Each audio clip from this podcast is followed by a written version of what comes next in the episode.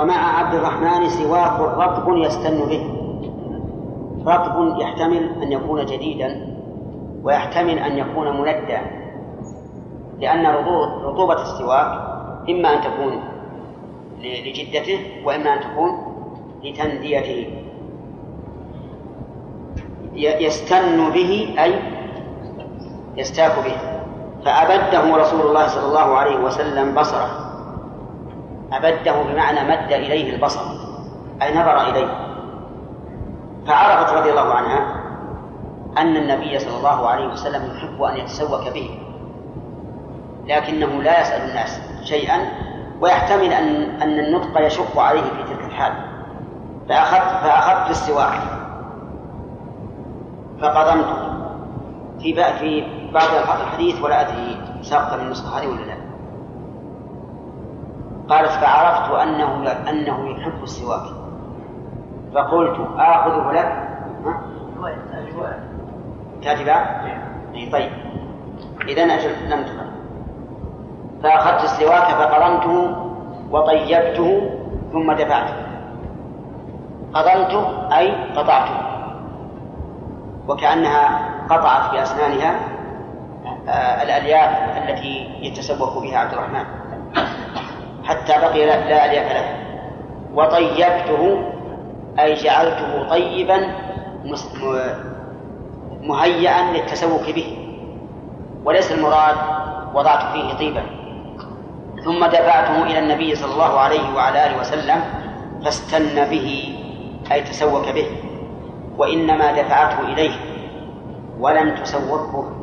هي من أجل أن يحصل هو صلى الله عليه وسلم على السنة في نفسه وإلا فمن المعلوم أنه في تلك الحال متعب. فاستن به.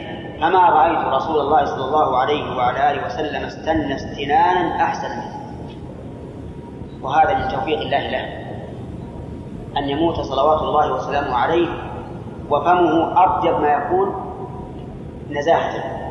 فما رأيت رسول الله صلى الله عليه وسلم استنى استنانا أحسن منه. فما عدا أن فرغ رسول الله صلى الله عليه وسلم رفع يده. فما عدا أي فما جاوز. يعني أنه من حين انتهى من السواك رفع يديه يده أو أصبعه ثم قال في الرفيق الأعلى. ورفع يده أو أو إصبعه إشارة إلى علو الله تبارك وتعالى لأنه يدعو الله. وقوله أو إصبع هكذا أو أن أو نقول أو أصبعه. يجوز. وفي أصبع عشر لغات. كلمة مكونة من ثلاث حروف فيها عشر لغات. من, من أربعة حروف فيها عشر لغات. اقرأ عليه محمد. قل أنشد البيت ريح نعم. من يشرف له بيت.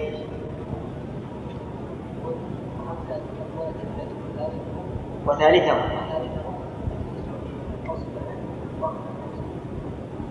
صح. وهمزة أنملة ثلث وثالثه التسع في إصبع واختم بأسبوع. وهمزة أنملة ثلث وثالثه التسع في إصبع واختم بأسبوع. يعني أن همزة أنملة فيها ثلاث حركات. وثالث أنملة وهي فيها أيضا إيش؟ ثلاث حركات. ثلاثة في ثلاثة تسعة. التسع في إصبع يعني أن في همزته ثلاث حركات وفي ثالثه وهو الباء ثلاث حركات هذه تسع. واختم بأسبوع هذه عشر. إذا ما تغلط كلمة إذا نطقت بإصبع ما لا تغلط اللهم إلا في آخره. وهذا غلط نحو. إذا غلطت في آخره. يقول ثم قال في الرفيق الأعلى ثلاثة. يعني قال في الرفيق الأعلى. هذا لفظ البخاري ولمسلم نحو والشاهد من هذا الحديث تسوق النبي صلى الله عليه وسلم بالمسواك حين حضور أجله عليه الصلاة والسلام. وفي هذا الحديث من الفوائد فوائد كثيرة. منها جواز دخول الإنسان على محرمه المتزوجة. وجه الدلالة دخول عبد الرحمن بن أبي بكر على أخته عائشة. ومثله دخول ابن عباس على خالته ميمونة حين بات عند النبي صلى الله عليه وعلى آله وسلم. ومنها جواز جواز التسوق أمام الكبير كبير القوم وشريف القوم. من أين؟ من فعل عبد الرحمن بن عوف. وعلى هذا نعم ابن أبي بكر من فعل عبد الرحمن بن أبي بكر. وعلى هذا فتسوق الإنسان أمام أبيه مثلا لا يعد امتهانا له. طيب هل يستفاد منه جواز تسوق الطالب أمام المعلم؟ نعم. أي إلا في الدرس. نعم في الدرس لا لأن تسوقه يلهيه. اللهم إلا إذا كان يريد أن يطرد به النوم فيمكن أن يقال لا بأس به. من فوائد هذا الحديث الإشارة إلى أن رطب السواك أولى بالتسوك من يابسه وإلا لم يكن لوصفه بأنه رطب فائدة. ولا شك أن السواك الرطب ألين من السواك اليابس وأقل تكسرا. لأن السواك اليابس تتكسر شعره ويتلف سريعا ومن فوائد هذا هذا الحديث قوة فطنة عائشة رضي الله عنها. وجهه أنها عرفت أن النبي صلى الله عليه وعلى آله وسلم يريد أن يتسوق مع احتمال أنه أراد أن ينتقد عبد الرحمن حين نظر إليه. لأن نظره إليه يحتمل أنه أنه ينتقده كيف تأتي عند الرسول تسوق لكنها عرفت أنه يريد إيش؟ التسوق. ومن فوائده أن المحتضر قد تكون له إرادة صحيحة.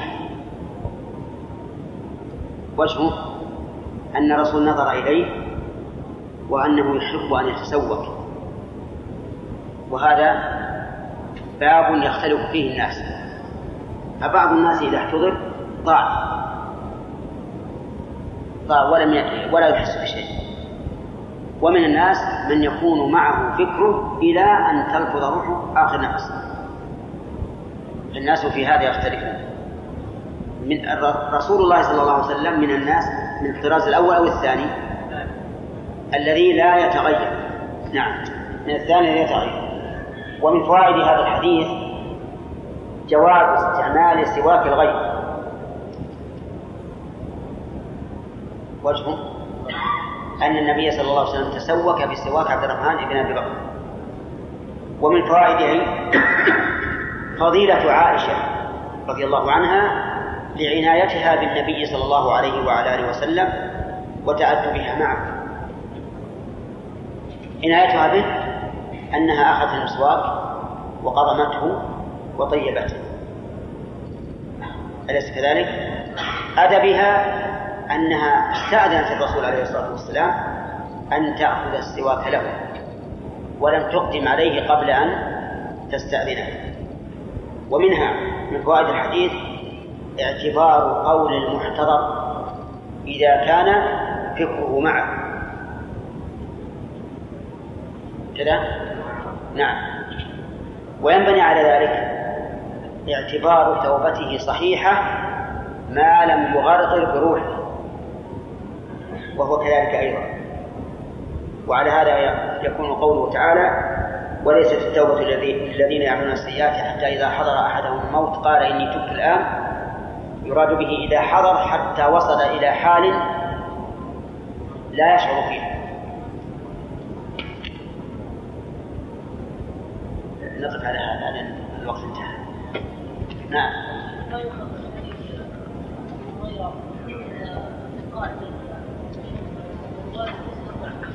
إيش؟ أي نعم. يؤخذ من هذا يؤخذ. هذا مقبول مما ذكرنا أن من الفائدة فيه أن هذا الدين يسر ليس فيه مشقه ما وصلنا ما كملنا. نعم. يكون التأكيد يعني. أمر الرسول مؤكد لا لا يكاد أحد يتركه ها؟ هنا يقول لأن الأمر المؤكد ولو كان لغير الوجوب لا أحد يستطيع أن يدعه بسم الله الرحمن الرحيم. الحمد لله رب العالمين.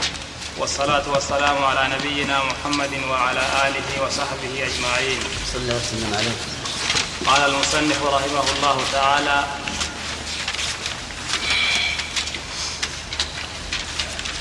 في باب السواك فيما نقله عن أبي موسى الأشعري رضي الله عنه قال أتيت النبي صلى الله عليه وسلم وهو يستاك بسواك رطب. قال وطرف السواك على لسانه وهو يقول والسواك في فيه كأنه يتهوى. باب المسح على الخفين. عن المغيرة بن شعبة رضي الله عنه قال كنت مع النبي صلى الله عليه وسلم في سفر فأهويت لأنزع خفيه فقال دعهما فإني أدخلتهما طاهرتين فمسح عليهما. عن حذيفة بن اليمان رضي الله عنهما وعن حذيفة. إيه لا نسخته بدون واو. إيه لا. هو كل ما جاء أول حديث ما فيه واو. وما بعده فيه الواو لأنه معطوف. وعن حذيفة بن اليمان رضي الله عنهما قال كنت مع النبي صلى الله عليه وسلم فبال وتوضأ, فبال وتوضأ ومسح على خفيه مختصرا. لا على خفيه. على خفيه. ثم ثم بعد ذلك تقول مختصرا. فبال وتوضأ ومسح, على خفيه مختصرا. أي نعم. الحمد لله رب العالمين وصلى الله وسلم على نبينا محمد وآله وأصحابه أجمعين.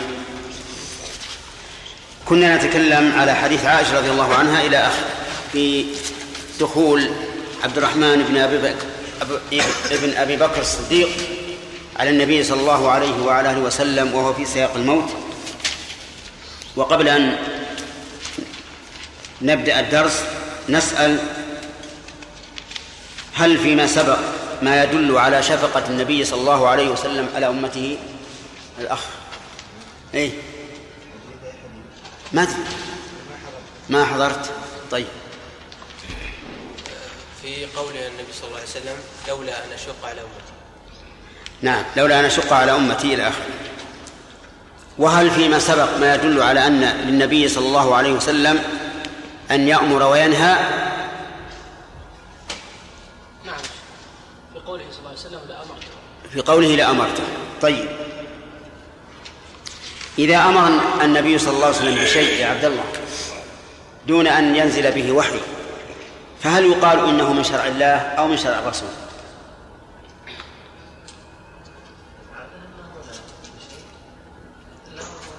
لا.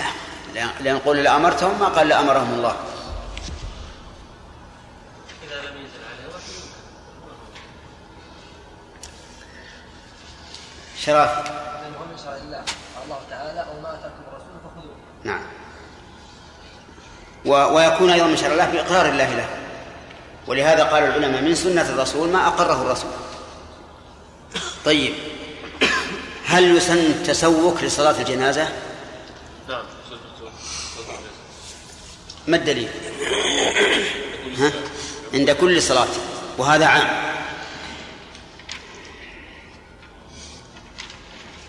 ما معنى قوله إذا قام من الليل يشوص فاه يدلكه بماذا؟ بالسواك مع الغسل مع الغسل مع الماء طيب هل يلحق بنوم الليل يوم النهار؟ نعم يلحق به على وهل يمكن أن أن يدعي مدع الفرق بين هذا وهذا؟ قد يقول أنه يكثر فيه الشياطين وتلاعب الشيطان بالإنسان. فيكون فرقا بينهم ولكن الأقرب لا أصبر. بس هذا ذكرنا شيء شيئين طولا ها؟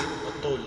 الطول والعمق الغالب أن نوم الليل أعمق من نوم النهار وأطول. فحينئذ يمتنع الإلحاق.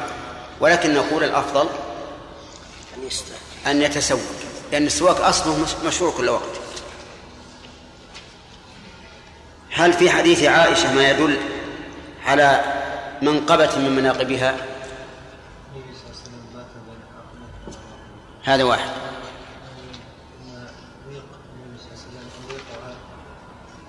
أن آخر ما طعمه الرسول عليه الصلاة والسلام هو آخر ما طعمه الرسول هو ريقه. ثالثا نعم في منزله رابعا. في يومه أحسنت. تمام. ما الفائدة من قولها سواك الرطب؟ يخرج به السواك اليابس والجاف. لأنه يتكسر في الفم. يعني ولا يؤدي المكان بخلاف الرطب. طيب. هل في الحديث ما يدل على ذكاء عائشة رضي الله عنها؟ محجوب.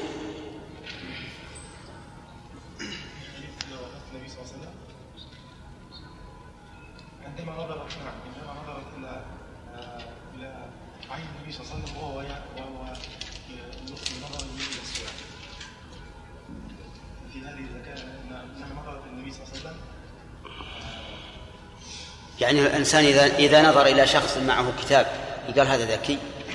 لا يعني بدأ يعني نظرت إلى النبي صلى الله عليه وسلم واذا به ينظر إلى السؤال. طيب. فإنه يريد أن يستمع ففهمت أنه يريد أن يستمع إذن من فهمها أنه أراد أو أنه أحب التسوق. طيب. آه، ما معنى قولها وطيبته؟ ها؟ غسلت وازالت ما ما مسته يعني ما مس عبد الرحمن قبل؟ يعني نظفت التطيب هنا بمعنى التنظيف. طيب. هل في الحديث ما يدل على أن للمحتضر إرادة صحيحة؟ الأخ. أجب ما ما ما وجهه؟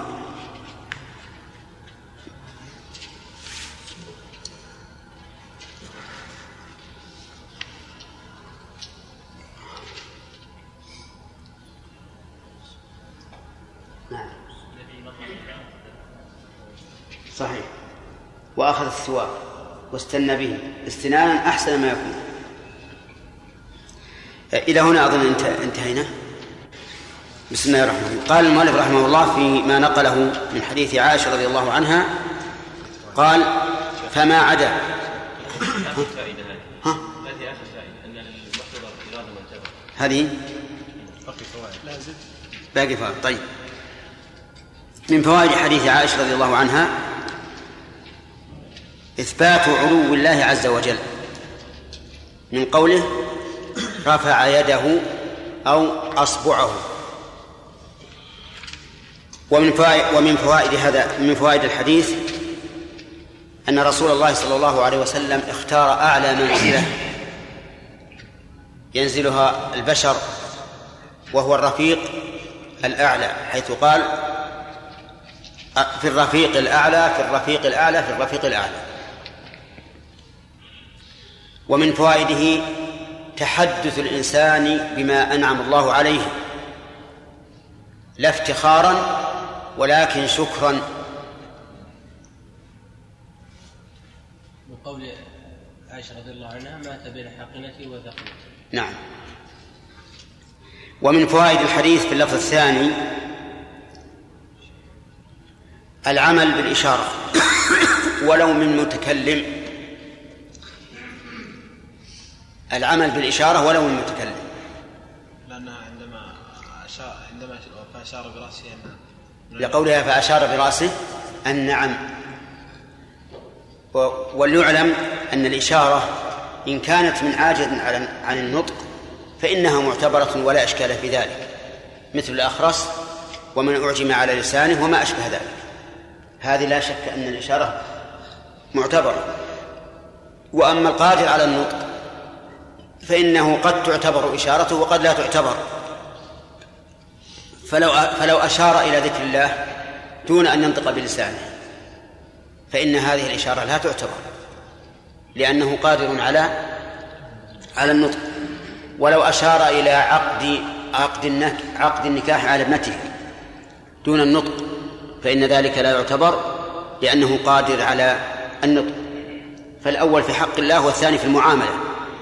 أما إذا أما ما يكفي فيه الإشارة والمقصود منه مجرد الإفهام فإنها تكفي فيه الإشارة ولو مع القدرة على النطق. إذن نقول الإشارة معتبرة في حق من لا يستطيع النطق مطلقا. وفي حق من من يطيق النطق في هذا تفصيل.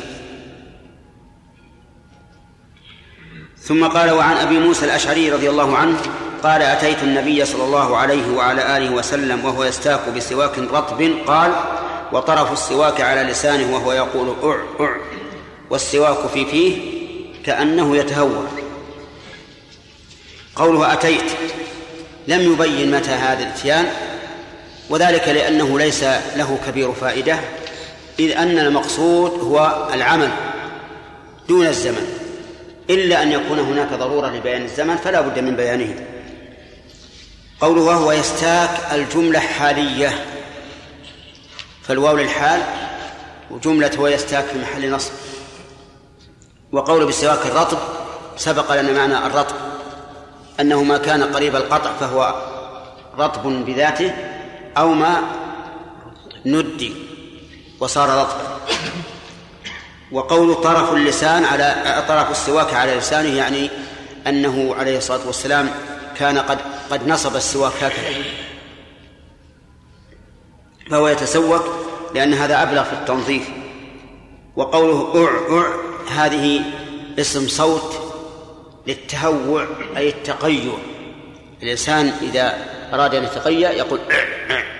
فهذا لأن السواك إذا تجاوز قليلا في, في, في اللسان فإنه لا بد أن يقع مثل ذلك وهو كناية عن المبالغة في في التسوق. ففي هذا الحديث فوائد منها اختيار التسوق بالعود الرطب. وجهه أن النبي صلى الله عليه وسلم اختار التسوق به فإن قال قائل لو نازع منازع بأن هذا وقع على وجه الصدفة تقدم يا جماعة. المكان هذا فاضي. لو قال قائل إن هذا وقع على وجه الصدفة قلنا يمكن أن ينازع منازع ويقال ويقول هذا وقع على وجه الصدفة لكننا لما علمنا تقدم يا ولد تقدم يا أخي. خليك مع الصف. قرب. ولا أنت أخر شوية؟ لكننا لما علمنا أن لرطوبة السواك فائدة ترجح عندنا أن هذا ليس اتفاقا ولا مصادفة وإنما هو مقصود. ومن فوائد ومن فوائد الحديث أن السواك يكون على اللسان كما يكون على اللثة والأسنان لقوله وطرف اللسان السواك على لسانه. ومن فوائد الحديث المبالغة في التسوك تؤخذ من قوله وهو يقول أع أع لأن هذا دليل على أنه يبالغ في ذلك. لكن ذكر بعض العلماء أنه لا ينبغي الإكثار من التسوك على على اللسان لأن هذا ربما يفسد الإسفنج الذي فيه لأن اللسان ليس أملس كاللثة. وإنما فيه شعيرات تشبه الإسفنج فيقولون إنه لو أدام على ذلك لو أدام السواك عليها لكانت ربما تتلف وعلى هذا فلا ينبغي كثرة التسوك على هذا على اللسان. ومن فوائد هذا الحديث جواز تسوك الإمام بحضرة الرعية ولا يعد هذا دناءة. وجهه أن الرسول صلى الله عليه وسلم تسوق بحضرة أبي موسى. ومن فوائد الحديث جواز حكاية الصوت. من أين يؤخذ؟ من قوله وهو يقول أع ثم قال المؤلف باب المسح على الخفين. الخفان هما آه ما يلبس على الرجل من جلد ونحوه لسترها تدفئة لها أو وقاية لها من الشوك أو الحجر أو ما أشبه ذلك. وأما ما يكون من القطن أو الصوف فإنه يسمى جوارب وهو الشراب. المسح على الخفين جائز بالكتاب والسنة وإجماع أهل السنة. أما في الكتاب فلقوله تعالى يا أيها الذين آمنوا إذا قمتم إلى الصلاة فاغسلوا وجوهكم وأيديكم إلى المرافق وامسحوا برؤوسكم وأرجلكم إلى الكعبين على قراءة الجر. فإن فإنها على قراءة الجر تكون معطوفة على الرؤوس. والعامل هو امسحوا فيدل ذلك على أن الرجلين تمسحان. فإن قال قائل ما الجمع بين هذه الآية هذه القراءة وقراءة النصب وأرجلكم عطفا على وجوهكم؟ قلنا قد يقول قائل إن الجمع بينهم أن نغسل الرجل مرة وأن نمسحها مرة أخرى ويكون اختلاف القراءتين من باب اختلاف العملين. فتارة نمسح وتارة نغسل كما في نظائره الكثيرة. لكن هذا الجمع خطأ. وجه خطئه أنه لم يعهد أن النبي صلى الله عليه وعلى آله وسلم مسح قدميه وهما مكشوفتان أبدا. وعلى هذا فيكون هذا الجمع غير غير وارد لعدم صحته. لا بد إذن من جمع آخر وهو أن نقول السنة بينت متى يكون غسل الرجل ومتى يكون مسح الرجل. فبينت السنة أنها إذا أنه إذا كانت الرجل مكشوفة ففرضها الغسل وإذا كانت مستورة ففرضها المسح. وعلى هذا فيبين اختلاف القراءتين ما جاء في السنة. وبذلك يتم المطلوب وهو الاستدلال بالآية على جواز المسح على الخفين.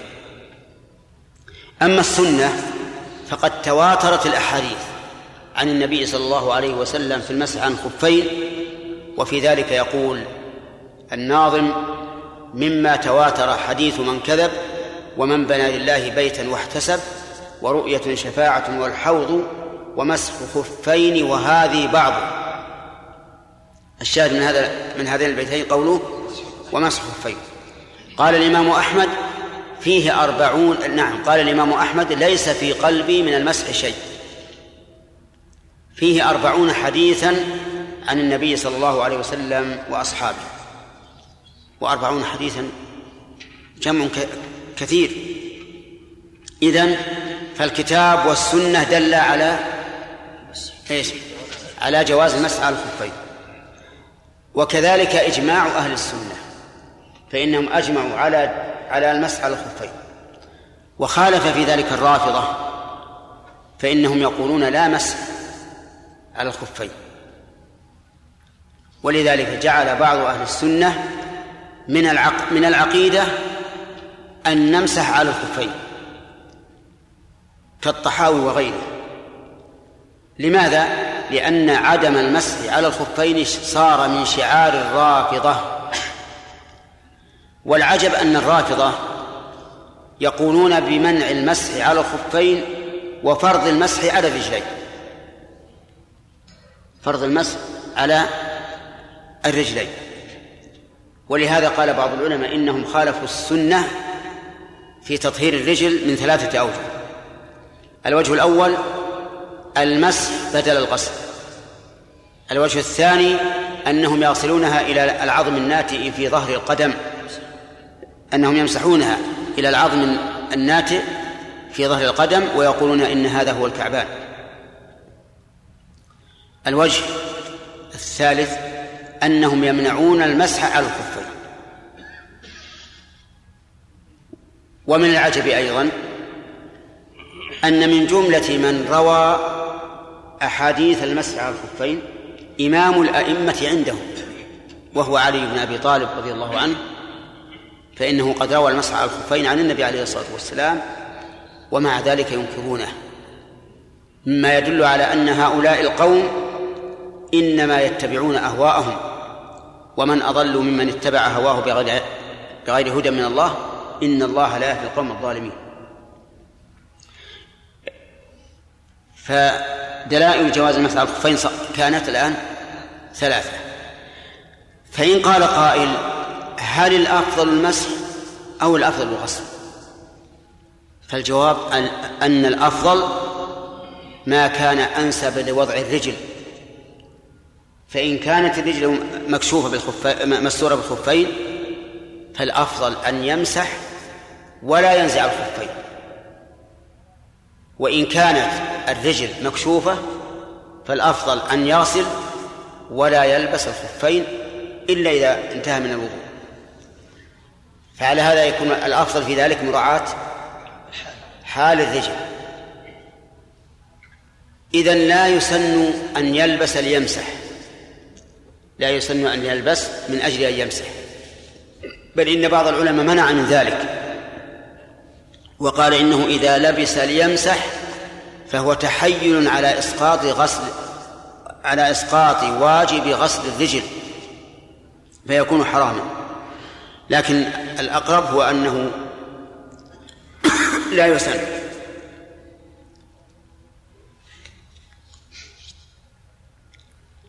طيب إذا قال قائل هل يشترط غرض معين في جواز المسح على الخفين بمعنى أنه لا بد أن يكون هناك حاجة إلى لبسهما أو لا يشترط؟ الجواب الثاني. ليس هناك شرط أن يكون ليس هناك شرط أن يكون ذلك أن يكون ذلك لحاجة. بل لو لبس الخفين أو الجوارب في في أيام الصيف جاز أن أن يمسح. كما هو في حال كثير من الناس الآن من المترفين الذين يريدون أن تكون أقدامهم كخدودهم أنهم يلبسون حتى في أيام الصيف. ثم ذكر المؤلف في هذا الباب حديثين. الحديث الأول عن المغيرة بن شعبة رضي الله عنه قال كنت مع النبي صلى الله عليه وعلى آله وسلم في سفر. وهذا السفر هو غزوة تبوك. وقد غزا النبي عليه الصلاة والسلام تبوك في السنة التاسعة من الهجرة. وكان الوقت شتاء. بل ليس شتاء ولكن المكان بارد. وكان المغيرة رضي الله عنه من جملة الذين يخدمونه في طهارته فإن النبي صلى الله عليه وسلم انطلق حتى توارى عن المغيرة فقضى حاجته ثم جاء وجعل يتوضأ فلما بلغ الرجلين أهوى المغيرة رضي الله عنه لينزع خفيه يعني تدلى لينزع الخفين. فقال النبي صلى الله عليه وسلم دعهما أي اتركهما فإني أدخلتهما طاهرتين. أيهما الذي يدخل الخف أو القدم؟ نعم. هو لا شيء أي القدم. أدخل القدم في الخف أو أدخل الخف في القدم. نعم. أيهما الداخل؟ القدم. إذن أدخلتهما أي القدمان أي القدمين. طاهرتين. يعني أنه لبس الخفين على طهارة. فمسح عليهما هذا وجه الشاهد. هذا هو الشاهد في الحديث للترجمة. فمسح عليهما وقوله فمسح عليهما لم يذكر الترتيب بين الرجلين. فيحتمل أنه مسحهما جميعا في آن واحد كما يمسح الإنسان الأذنين جميعا في آن واحد. ويحتمل أنه مسح اليمنى قبل اليسرى.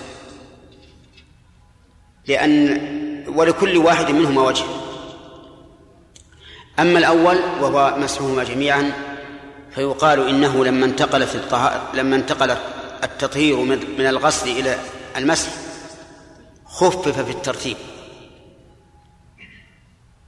وأما قياسهما على الأذنين فقياس مع الفارق وذلك لأن الأذنين عضو واحد إذ أنهما من الرأس. وأما القدمان فكل واحد منهما عضو مستقل. لكن قد يقال إنه لما خفف التطهير من الغسل إلى المسح تبع ذلك الترتيب وصار الإنسان يمسحهما معا. وأما وأما القول بالترتيب وهو أن يمسح اليمنى قبل اليسرى فوجهه أن المسح بدل عن الغسل. والغسل مرتب يبدأ باليمنى قبل اليسرى. في هذا الحديث فوائد متعددة. أولا جواز المسح على الخفين في السفر. لقوله كنت في سفر مع النبي صلى الله عليه وسلم في سفر إلى آخره. وهل يجوز وهل يجوز ذلك في الحضر؟ نعم. الجواب نعم. بدليل حديث حذيفة الآتي. فإن قال قائل ما وجه تقييد ذلك بالسفر في قوله كنت في سفر؟ فالجواب أن ذلك بيان للواقع. وما جاء بيانا للواقع فإنه لا مفهوم له. هكذا قال الأصوليون يا عبد الله أليس كذلك؟ طيب. ومن فوائد هذا الحديث جواز معاونة المتوضئ. لقوله فأهويت لأنزل. ومن فوائد هذا الحديث أيضا جواز استخدام الحر لأن المغيرة حر وخدم النبي صلى الله عليه وعلى آله وسلم وهو شرف له ومنقبة له أن يخدم رسول الله صلى الله عليه وعلى آله وسلم. فإن قال قائل هل لك أن تسأله أن يخدمك؟ فالجواب تأخر يا أخي مع الصف كن في الصف بس. طيب فهل لك أن تستخدمه؟ وأن تقول يا فلان أعطني كذا أعطني كذا. قلنا في هذا تفصيل. إن كان يرى أن من المنة عليه أن تستخدمه وأنه يفرح بذلك فاستخدمه لكن بنية إيش؟ إدخال السرور عليه لا بنية إهانته بالخدمة. وإن كان الأمر بالعكس يعني يرى أن أمرك إياه ثقيل وأنه لم يمتثل إلا حياء وخجلا فلا تستخدمه. ومن فوائد هذا الحديث جواز المسح على الخفين وأنه أفضل من الغسل لمن كان لابسا. وجهه؟ قال دعهما فمسح عليه. دعهما فمسح عليهما وهذا يدل على ما ذكرناه أولا أن الأفضل اعتبار حال إيش؟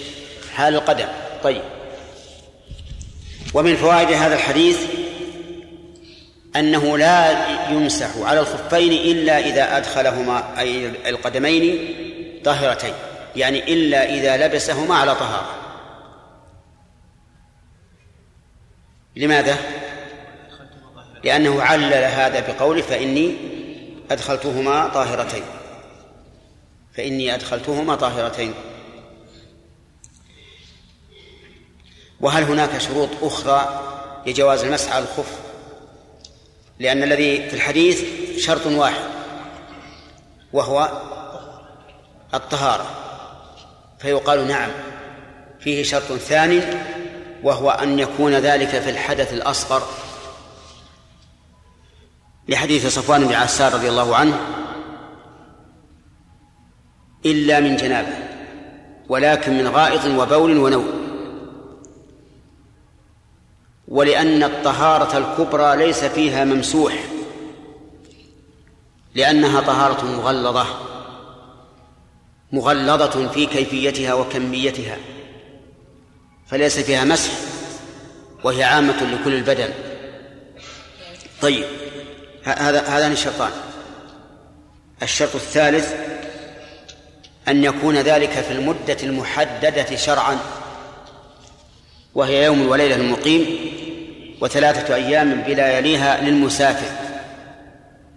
لحديث علي بن أبي طالب رضي الله عنه أن النبي صلى الله عليه وعلى آله وسلم جعل يوم وليلة المقيم وثلاثة أيام بلياليهن للمسافر يعني في المسح على الخفين فإن فإن انتهت المدة امتنع المسح. وهل تنتقض الطهارة؟ إذا انتهت المدة في ذلك خلاف بين العلماء والصحيح أنها لا تنتقض. لكن الذي الذي ينقطع هو إيش؟ هو المسح. فإن نسي ومسح عليهما بعد انتهاء المدة وصلى. أمرناه بإعادة الوضوء بعد نزعهما وبإعادة الصلاة لأنه صلى بغير طهارة. فإن قال قائل من أين تبتدئ المدة؟ فالجواب أن القول الراجح أنها تبتدئ من أول مسحة آه، تبتدئ من أول مسحة بعد حدث. من أول مسحة بعد حدث. فإذا لبس لصلاة الفجر ولم يمسح إلا لصلاة الظهر فابتداء المدة من من صلاة الظهر. وعلى هذا فقس. هل يشترط أن تكونا طاهرتين؟ أي الخفين؟ نعم. الجواب نعم. يشترط أن تكونا طاهرتين. فإن كان من جلد نجس امتنع المسح عليهما. لأن المسح على النجس لا يزيده إلا تلوثا بل يدك تنجس إذا مسحته.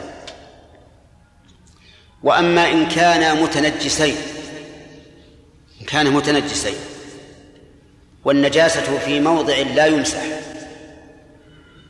فهنا قد نقول بصحة المسح لكن لا يصلي فيهما لأن الإنسان لا يصلي بخفين نجستين.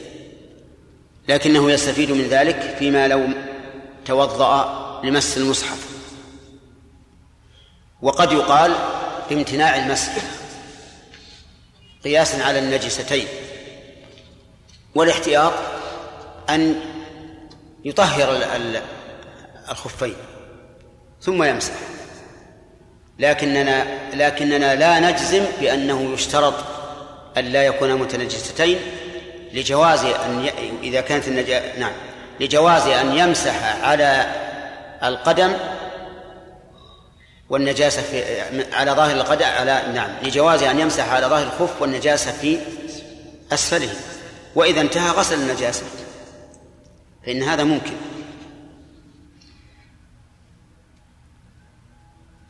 ومن فوائد هذا الحديث يعني حديث المغيرة وهي آخر فائدة فيه أن المسح على الخفين يكون في زمن واحد أي لا ترتيب بينهما. لظاهر قوله فمسح عليهما ولم يقل فمسح على اليمنى ثم اليسرى كما قالوه في صفة الوضوء أنه غسل الرجل اليمنى ثم غسل الرجل اليسرى. وهذا احتمال لا شك وارد وقد ذكرنا الاحتمال الآخر وهو الترتيب لأن هذه هذا المسح مبني على الغسل. والله أعلم. الله فيك هناك نوع من أنواع الجراء الجوال تلبسه النساء في القدم وهذا مصنوع من النيلون وشفاف شفافية كبيرة يعني جدا نعم. كذلك هو مطاط نعم. هل يمسح عليه؟ نعم. الصحيح أنه لا يشترط ستر القدم. وأنه يصح المسح على الشفاف وعلى الخفيف أيضا لأن العلة واحدة وهي مشقة النزع. وليس هذا مما يجب ستره حتى نقول لا بد من الستر ولذلك اختلف الذين قالوا لا بد من الستر اختلفوا فيما لو لبس خفا من زجاج. فقال بعض العلماء لا يجوز المسح لاشتراط الستر وهذا المشهور من مذهب الحنابلة وقالت الشافعية بل يصح. لأن القدم مستور. وليس هذا من باب ستر العورة حتى نقول لا بد من أن لا يرى ما وراءه. والصحيح أنه يصح سواء كان من الزجاج أو من النايلون أو من ال- المنسوج الخفيف. لأن العلة واحدة وهي مشقة النزع ثم الرد مرة ثانية. لا عبرة. نعم. قال قائل ان معنى قوله صلى الله عليه وسلم دعهما فاني ادخلتهما ظاهر الدين. إنه لا يشترط الطهارة طهارة البدن وإنما يشترط طهارة القدمين فقط. نعم. لو قال قائل هذا قلنا هذا قول مردود. لأنه من المعلوم أن الرسول رجله ما هي نجسة. من يقول إنها متنجسة ثم طهرها من النجاسة؟ وكلمة طاهرتين تعني أنها أنها قبل ذلك نجسة. وليست نجاسة حسية قطعا. إنما هي نجاسة حدث.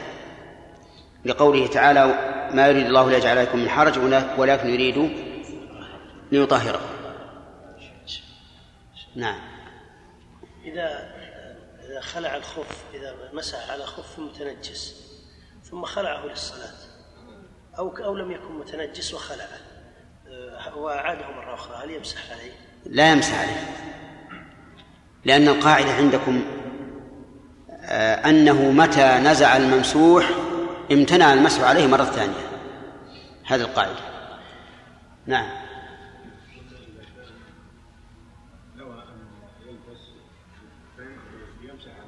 نوى نوى؟ أن؟ نعم. لا قل بعض العلماء قال. ما قلنا بعد. إحنا قلنا ان السنة الا يفعل؟ لكن لو فعل نصح. نعم محجوب هل يستفاد من فعل النبي صلى الله عليه وسلم في السواك عندما قال بعد بعد أن السواك يصل إلى آخر اللسان؟ وش تقولون؟ في بعض نعم.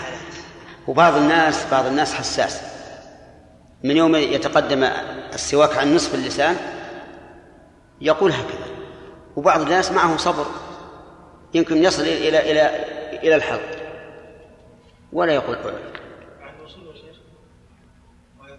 هو على كل حال التسوك على كل لسان هو الأحسن.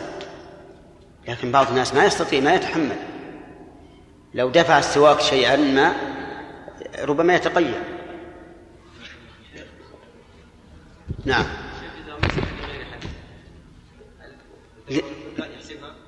مسح لغير حدث؟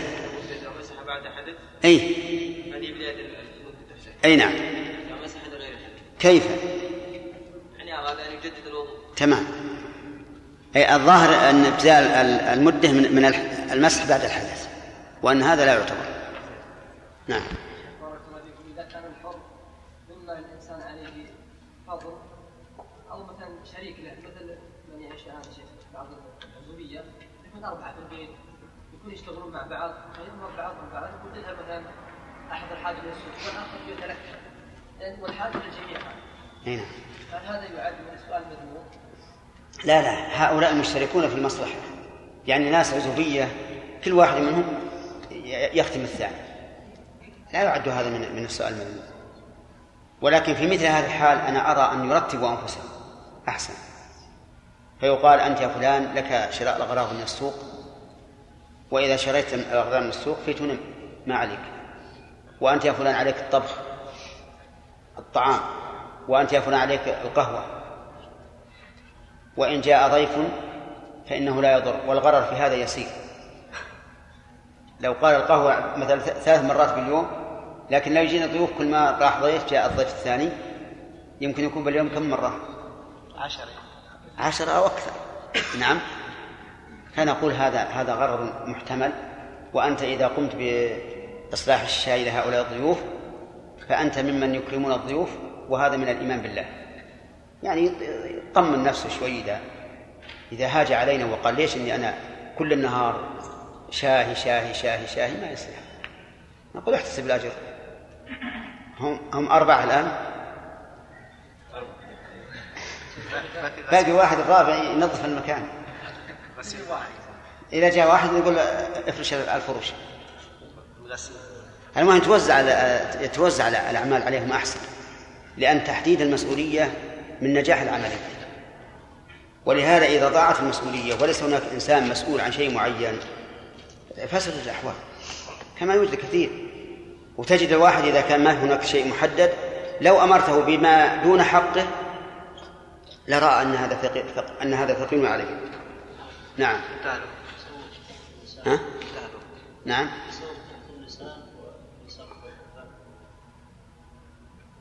أيضا إذا إذا إذا كان هناك حاجة لا بأس. مثل لو كان أكل الإنسان شيئا أحس أنه لا يذهب إلا إلا بالتسوق يفعل. انتهى الوقت. الأولى بطالب العلم إذا أراد أن ينافع الشيخ أن يقول قلتم أم يقول قلنا؟ إيه. والله الظاهر أن الثاني أحسن. قلنا بناء على أن الطالب والأستاذ شيء واحد. نعم. قلتم قد تعني المناظرة أو المجادلة أي نعم. الحديث أظن العام الماضي كنا نخصص كل واحد له درس. نعم. ومن فائدة التخصيص أنه إذا انتهى إذا انتهت خمس دقائق فإن من له القراءة على طول يقرأ بدون استئذان. لأن الباب مفتوح ما يحتاج إلى استئذان. فمن فمن يريد أن يكون صاحب الحديث؟ قال رحمه الله تعالى باب في المزي وغيره. وعن علي بن أبي طالب رضي الله عنه. ما بهو عن علي.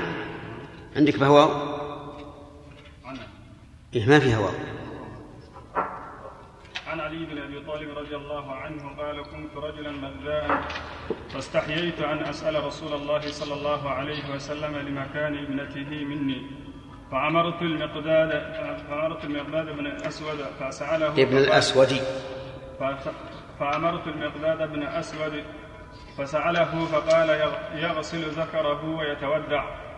وللبخاري تودع واغتسل تودع واغتسل واغسل ذكرك.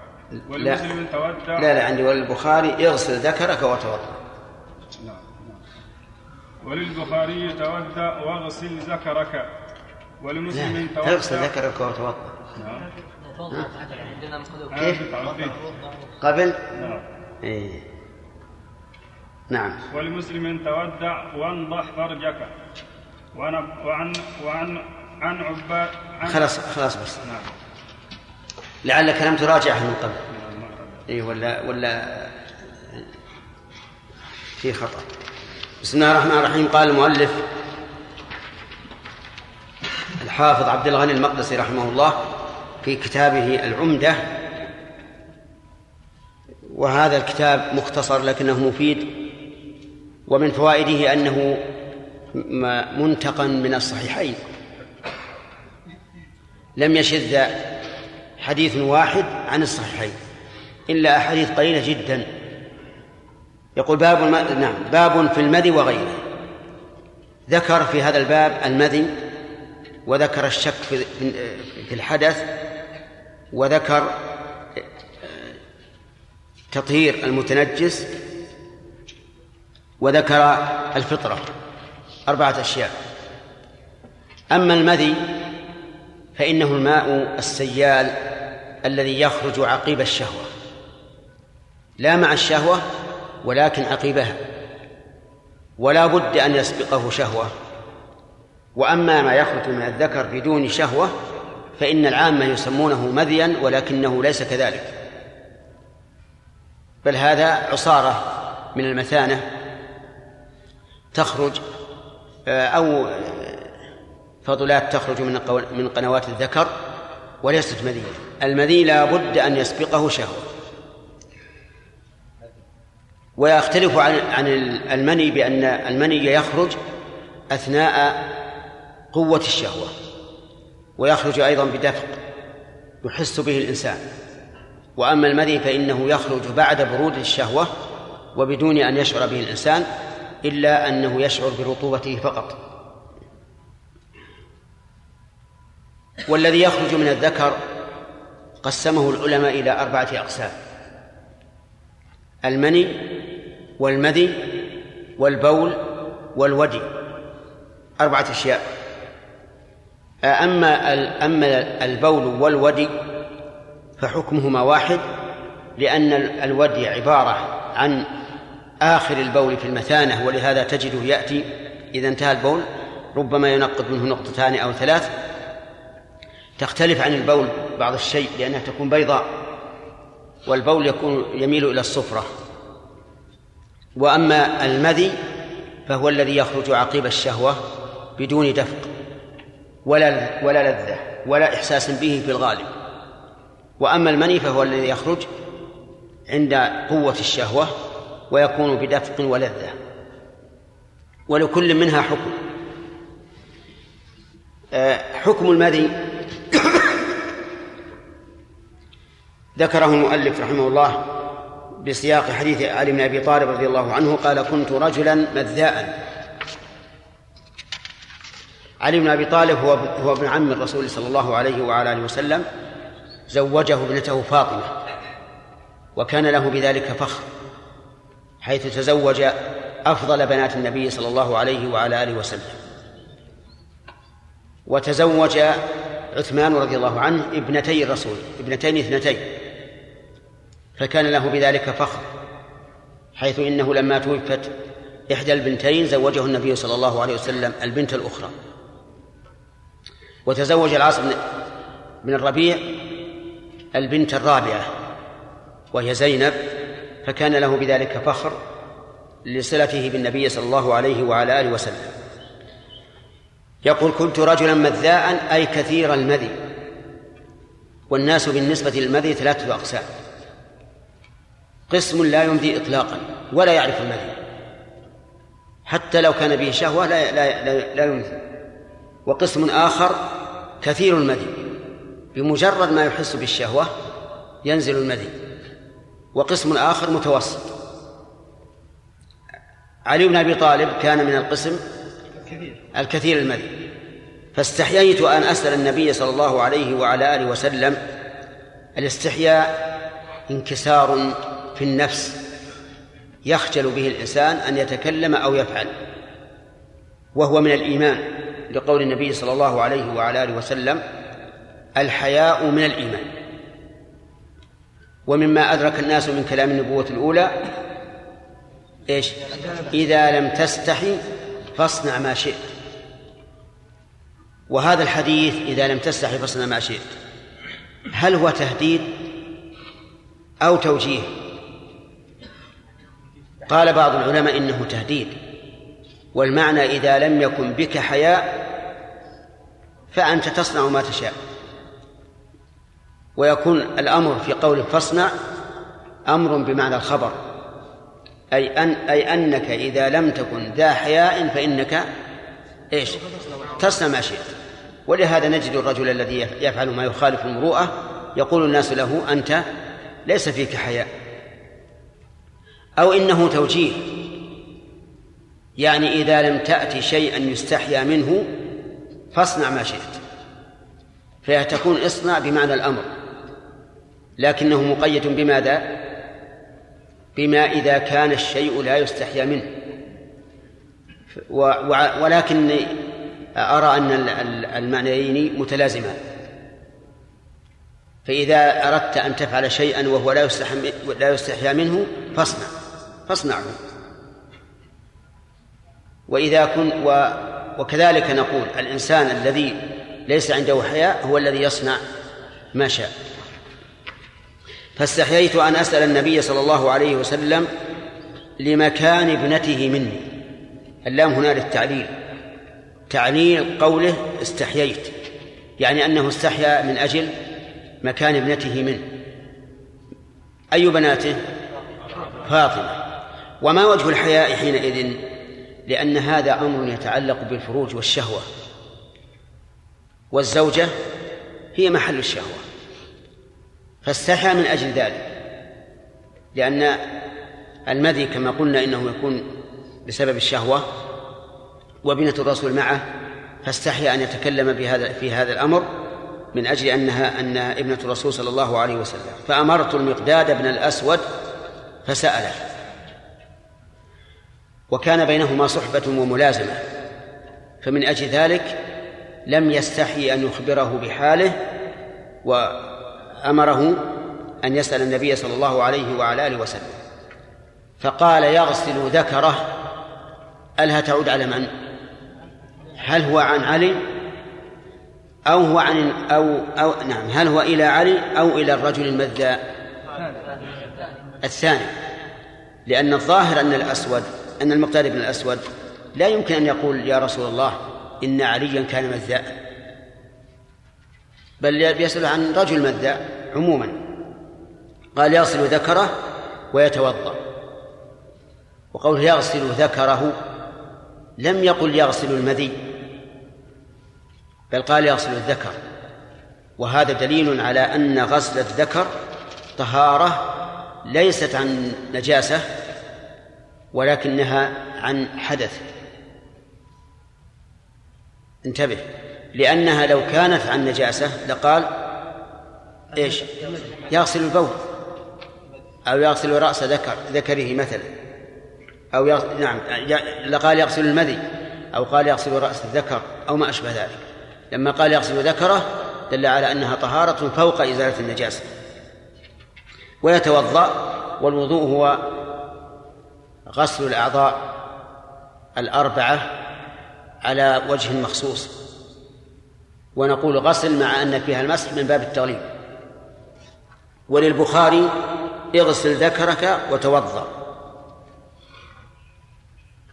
وأنتم عندكم توضأ وغسل ذكرك. ولمسلم توضأ وانضح فرجك. والنضح هنا بمعنى الغسل لأن حديث الرسول عليه الصلاة والسلام يفسر بعضه بعضا مع أننا نعلم أن الرسول عليه الصلاة والسلام لم يقل ذلك إلا مرة. هذا هو الأظهر. فالاختلاف إذن اختلاف من بين الرواة. فيحمل النضح هنا على إيش؟ على الغسل. ففي هذا الحديث دليل على فوائد. منها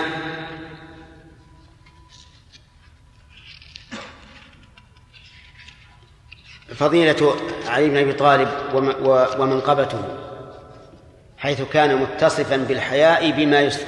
بالحياء مما يستحيا منه. والحياء كما قلنا من من الإيمان. فأما الحياء مما لا يستحيا منه فإنه خور وجبن وليس ممدوحا.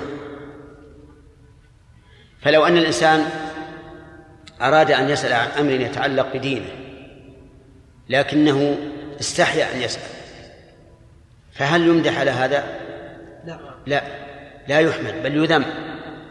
ومن ذلك ما ينتاب بعض طلبة العلم. يكون في الحلقة يشكل عليه الأمر فيستحي أن يسأل خوفا من أن يقال كيف أشكل هذا على هذا الطالب؟ وهذا غلط. إذا أشكل عليك شيء فاسأل عنه. والعلم بالتعلم ولن يصل إلى العلم من يستحي. ولهذا قال بعض السلف لا ينال لا ينال العلم مستحي ولا مستكبر. ومن فوائد هذا الحديث أنه لا ينبغي أن يتكلم الإنسان مع صهره فيما يتعلق بأمر الفروج. يؤخذ من أين؟ من قول استحييت أن أسأله لمكان ابنته مني. ومن فوائد الحديث جواز التوكيل في العلم والاستفتاء. لقوله فأمرت المقداد فسأله. ومن فوائده قبول خبر الواحد في العلوم الشرعية. وجه ذلك أن عليا أمر المقداد ولم يأمره إلا ليأخذ ما أخبره به عن الرسول. فالأخبار الأخبار الدينية الشرعية يكتفى فيها بالواحد.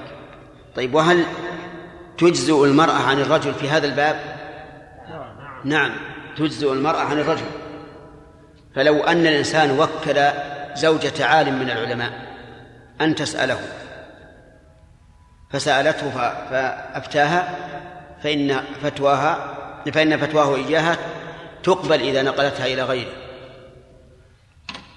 ومن ثم قال العلماء إن المرأة لو شهدت برؤية هلال رمضان فإنها تقبل ويحكم بشهادتها. لماذا؟ لأنه خبر ديني فقبلت فيه. ومن فوائد هذا الحديث جواز ذكر ما يستحيا منه من أجل العلم بحكمه. وجه أن المقداد سأل النبي صلى الله عليه وعلى آله وسلم عن ذلك ولم ينكر عليه. ولا تقل إن هذا أمر يستحيا منه لا أحب أن أتكلم به عند العالم. مثلا نقول تكلم. إن الله لا يستحي من الحق يرحمك الله. إن الله لا يستحي من الحق. ومن فوائد هذا الحديث وجوب غسل الذكر من المذي. لقوله يغسل ذكره.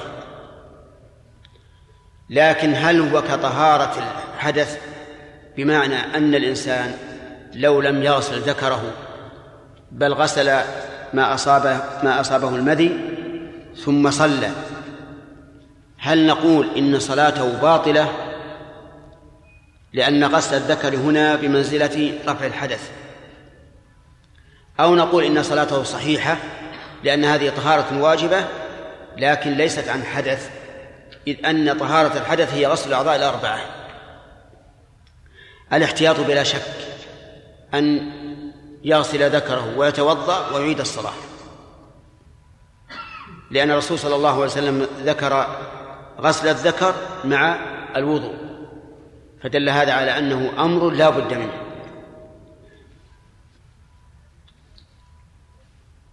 ونجري على هذا السؤال. هل يجب غسل الأنثيين أي أيضا؟ أي الخصيتين؟ نقول في هذا حديث لكنه ليس في الصحيحين أن الرسول أمره أن يغسل ذكره وأنثييه. وبناء على هذا الحديث يجب غسل الذكر كله وغسل الأنثيين. قال أهل العلم من فوائد هذا الغسل أي غسل الذكر والأنثيين أنه يكون قاطعا لهذا الخارج. أي قاطعا للمذي يقلله وربما يقطعه بالكلية. ومن فوائد هذا الحديث أن الواو لا تقتضي الترتيب. لقوله توضأ وانضح فرجك أو أو توضأ واغسل ذكرك. وجه ذلك أن غسل الذكر إيش؟ سابق على الوضوء. ومع ذلك أخر في الذكر. وقال بعض العلماء بل هذا دليل على جواز تأخير غسل الذكر عن الوضوء وينبني على هذا فائدتان. الفائدة الأولى أنه لا يجب تقديم الاستنجاء على الوضوء. والفائدة الثانية أن مس الذكر لا ينقض الوضوء. وبكل من هذين القولين قال بعض العلماء أي أن بعض العلماء قال يجوز أن يتوضأ قبل أن قبل أن يستنجي. وبعض العلماء أيضا قال إن مس الذكر لا ينقض الوضوء. فأما الأول أعني الوضوء ثم الاستنجاء ففي القلب منه شيء. لكن لو أنه جرى للإنسان أنه توضأ وكان لم يستجمر استجمارا شرعيا ثم صلى. فهل نقول تجب عليه إعادة الصلاة لأن وضوءه ليس بصحيح؟ نقول هكذا قال, قال جمهور العلماء. إن الإنسان إذا استجمر استجمارا غير شرعي يعني لم يتم ثلاث مسحات أو ما أشبه ذلك ثم توضأ فإن وضوءه لا يصح. وإذا لم يصح فإن صلاته لا تصح. وبعض العلماء يقول إنه لا يشترط للوضوء تقدم الاستنجاء والاستجمار وبناء على هذا القول نقول إن صلاته صحيحة.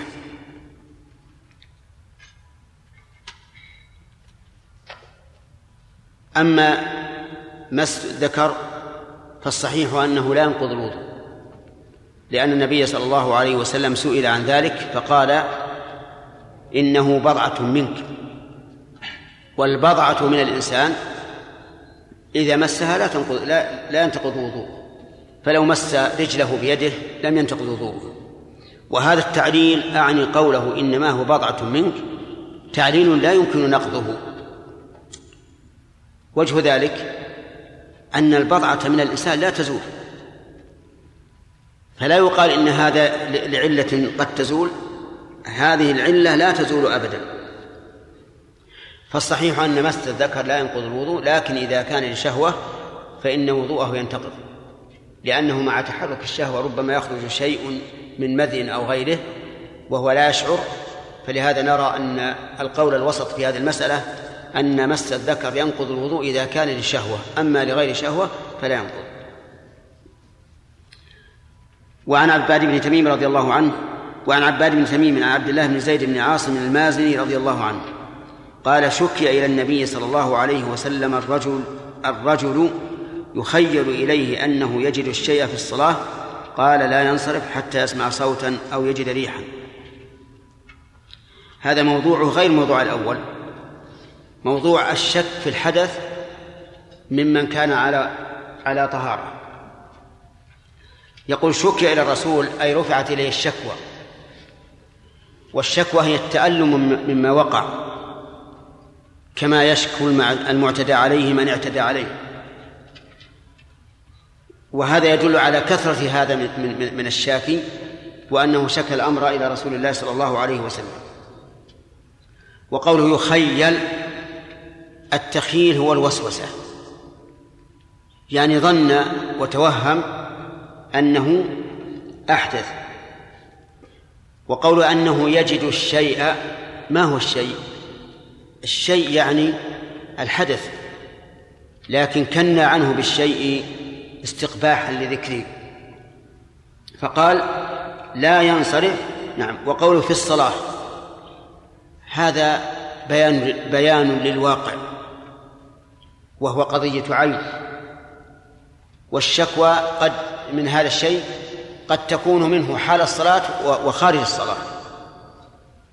والقيد المبين للواقع ليس له مفهوم كما سأذكر إن شاء الله في الفوائد. فقال لا ينصرف من أين؟ من الصلاة. من الصلاة. حتى يسمع صوتا أو يجد ريحا. حتى يسمع صوتا إن كان الخارج له صوت أو يجد ريحا إن لم يكن له صوت. ففي هذا الحديث من الفوائد العظيمة فوائد تتعلق بجميع أبواب الفقه. ليس في باب الحدث فقط. كل أبواب الفقه.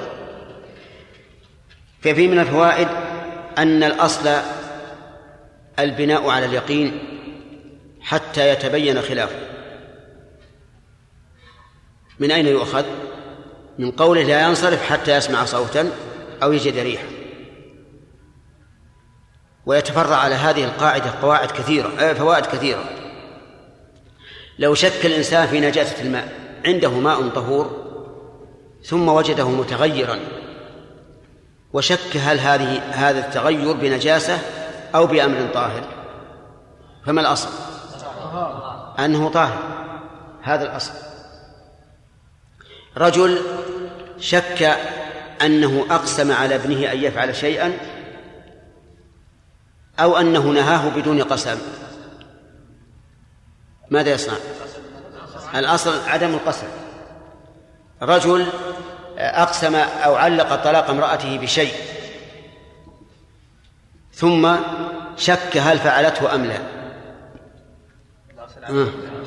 الأصل عدم.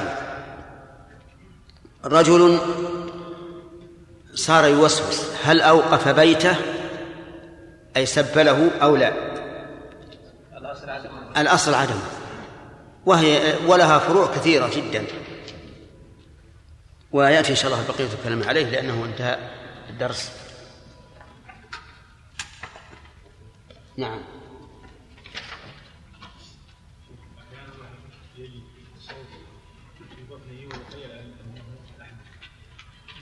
هو نفس الشيء اللي في الحديث.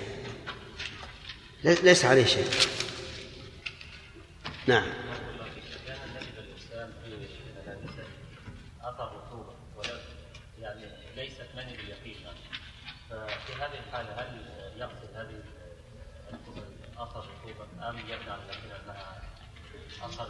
هو الآن هذه هذه الرطوبة يحتمل تحتمل ثلاث أشياء.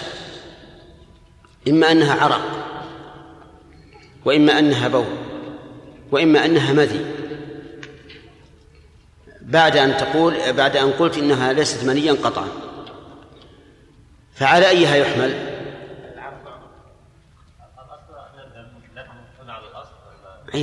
نبي على فيكون عرقا. حتى يتبين أنه شيء خارج من من الذكر. نعم.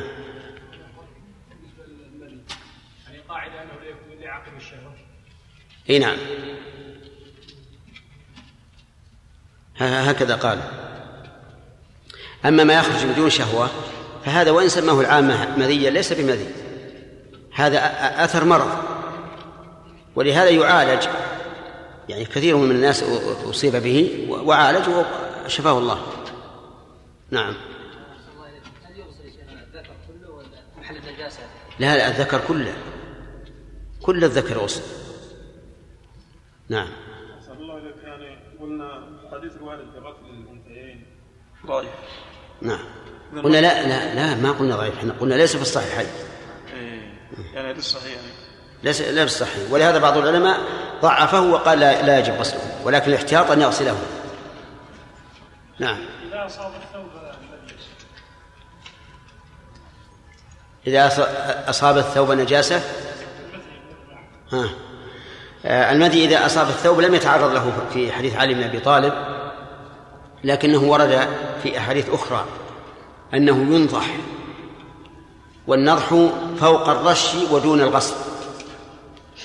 يعني يصب عليه الماء حتى يعمه كله ولا يحتاج إلى فرك ولا يحتاج إلى إلى عصر فنجاسته في الحقيقة خفيفة ليس طاهرا كالمني وليس نجسا.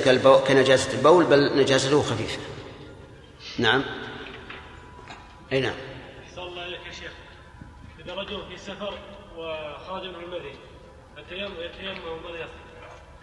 في سفر ويجد ماء أي. يتيمم عن عن ال... عن الحدث. يتيمم عن الحدث. نعم. شيخ سلمك الله. ما هو دليل نجاسة المذي؟ ها؟ دليل نجاسة المذي النجاسة؟ أن الرسول أمر بغسله. في ح... في حديث آخر أمر غير هذا أمر بالنضح بأن ينضحه. والنضح كما قلت لكم فوق الرش ودون الغسل كيف قولنا أنها نجاسة مخففة؟ إي نعم؟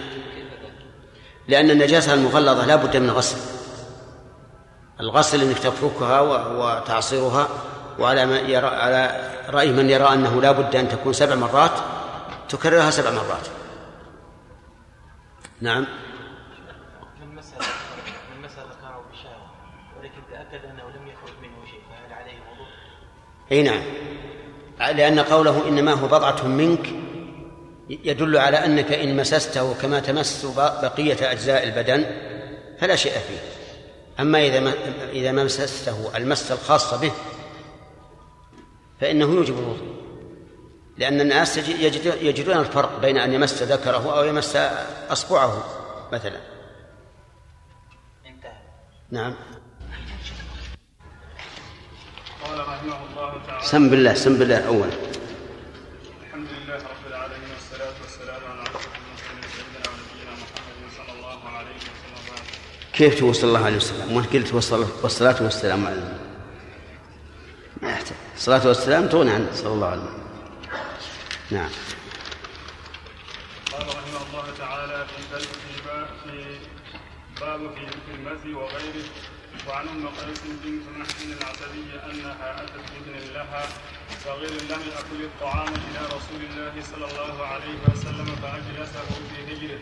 فبال على ثوبه فدعا بماء فنضحه على ثوبه ولم يغسله.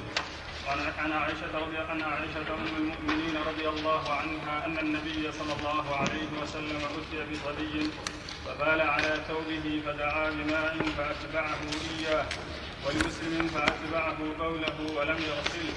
وعن أنس بن مالك رضي الله عنه قال جاء أعرابي فبال في طائفة المسجد فضجره الناس فنهاهم النبي صلى الله عليه وسلم. فلما قضى بوله أمر النبي صلى الله عليه وسلم بذنوب ماء فاهرق عليه. عن أبي هريرة وعن وعن أبي هريرة.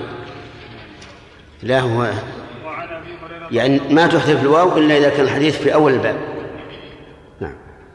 وعن أبي هريرة رضي الله عنه قال سمعت رسول الله صلى الله عليه وسلم يقول الفطرة خمس الختان والاستحداد وقص الشارب وتقليم الأظفار وتقليم الأظفار ونقص العجل.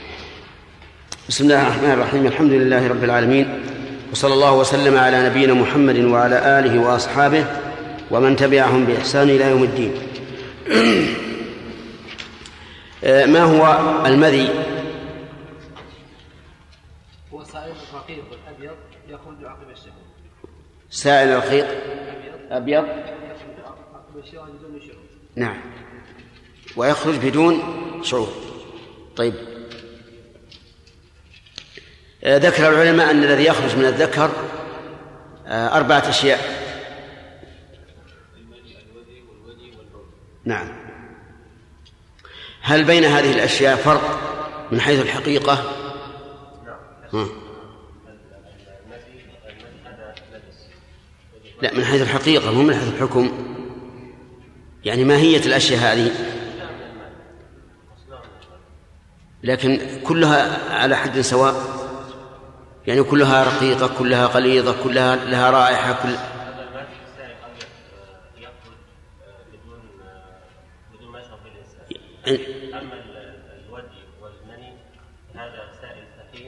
الودي. نعم. سائل سخين يخرج يخرج بدون هذا يخرج عقب لكنه ثقيل يعني. أما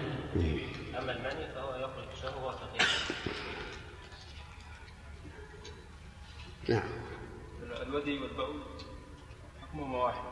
لا ما هو الحكم لكن طبيعتهم الودي يخرج عقيب البول وهو رقيق أبيض. رقيق. وليس كما قال الأخ ثخين طيب. أحكام هذه تختلف. فما هو فما هو حكم البول؟ استنجاج. ها؟ أنا. لا لا. الجاري. أنه نجس. يجب غسله هذا واحد. ها؟ وكذلك الودي. وكذلك الودي. نجس يجب غسله أما أصبر هذا حكم. في حكم آخر. ما هو؟ حكم ال- البول البول. البول والودي. حكمهما واحد. ما في حكم آخر؟ أنت ذكرت الآن أنهما نجسان يجب غسلهما فهل هناك حكم آخر؟ إي نعم. نعم. نقض الوضوء. كلاهما ينقض الوضوء. تمام. آه، بالنسبة للمني. نعم. ويوجب الغسل. طاهر ويوجب الغسل. آه، المذي. نجس ويغسل الذكر. نعم. ويوجب غسل الذكر وكذلك الأنثيين. طيب. هل نجاسة البول والم- والمذي واحدة أو إحداهما أغلظ من الأخرى؟ ما هو ما هو الأغلظ؟ البول. لأنه يجب غسله. والمذي على القول الراجح؟ لا. لا. كلاهما ينقض الوضوء لا شك. لكنه يتكلم عن نجاسة أيهما أغلظ؟ فذكرت أن البول أغلظ لأنه يجب غسله. نعم. نعم. المذي يكفي فيه النضح وهو أن يعمه بالماء بدون عصر وبدون فرك. من هنا نعرف حكمة الشرع حيث إن الذي يخرج بشهوة طاهر والذي يخ- يخرج مع الشهوة نجس لكنه أخف من البول والبول نجاسته مغلظة. بالنسبة لهذه الثلاثة لأن الم- المذي في الحقيقة بين بين لا ليس بولا خالصا وليس منيا خالصا فصار حكمه إيش؟ بينهما.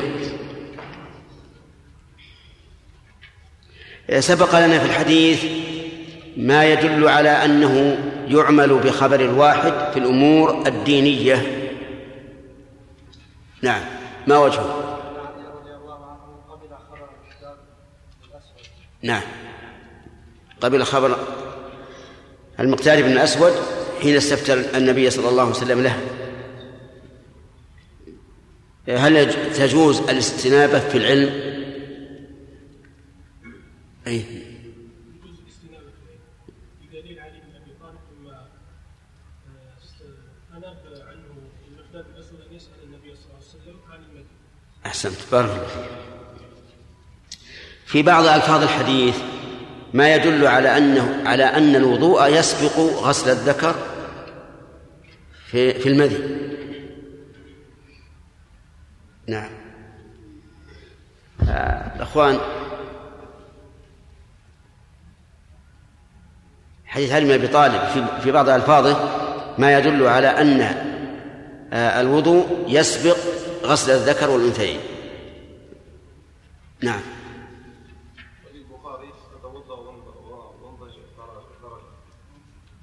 طيب هل هذا الترتيب مراد؟ السؤال للج- للجميع من يعرف؟ هل هذا الترتيب مراد؟ الواو لا لا تستلزم الترتيب. كذا؟ وعلى هذا فيحمل توضأ وانضح فرجك على الألفاظ الأخرى وهي يغسل ذكرك وتوضأ. طيب. في حديث عباد بن تميم عن عبد الله بن زيد ما يدل على قاعدة معروفة لأهل العلم مفيدة جدا في جميع أبواب الفقه.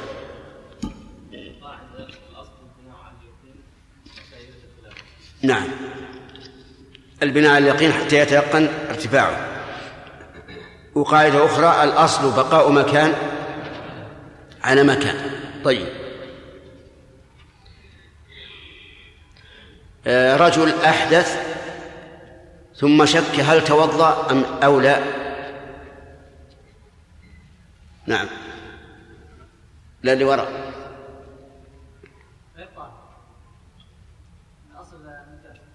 يعني يجب عليه أن يتوضأ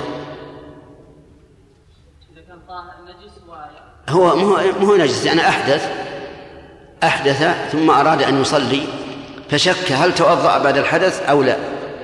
هل يلزمه أن يتوضأ؟ لماذا؟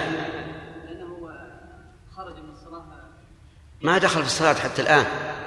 لكن الأصل أنه نجس أنه غير طاهر يكون محدث أما قلنا احذف كلمة نجس المؤمن لا ينجس. من أين أخذتها؟ الأصل فيه لأنه شك في الطهارة. ما هو عندنا الأصل بقاء مكان على مكان. إذن الأصل أنه محدث. واضح يا جماعة؟ طيب إذن إذا شك المحدث هل تطهر فهو لم يتطهر لم يتطهر. وإن شك المتطهر هل أحدث فهو لم يحدث ويدل عليه حديث عبد الله بن زيد. أظن انتهينا بقي علينا من شرحه شيء. ها؟ الفوائد نعم. أخذنا فائدة؟ طيب نكمل إن شاء الله. آه، من فوائد هذا هذا الحديث حديث عبد الله بن زيد أن أن الشيطان قد يلقي في قلب ابن آدم ما يفسد عليه عباداته بقوله يخيل إليه وهذا التخيل من الشيطان؟ حتى إنه في بعض الأحاديث أن الشيطان يأتي فينفخ في مقعدة الإنسان حتى يوهمه أنه أحدث وهو لم يحدث. ومن فوائد هذا هذا الحديث أن الشريعة الإسلامية لا تريد من أبنائها أن يكونوا في قلق بل هي تحارب كل ما يوجب القلق. دليله أن الرسول عليه الصلاة والسلام أمر هذا الذي أشكل عليه أمره أن لا يهتم بهذا وأن يعرض عنه وأن يبني على اليقين. يتفرع على هذه الفائدة فائدة عظيمة أيضا وهي أن بعض الناس يلقي الشيطان في قلوبهم أشياء لو تكلموا بها لكانوا كفارا. أشياء في القرآن في الرسول في الإسلام في الرب عز وجل لو تكلموا بها لكفروا.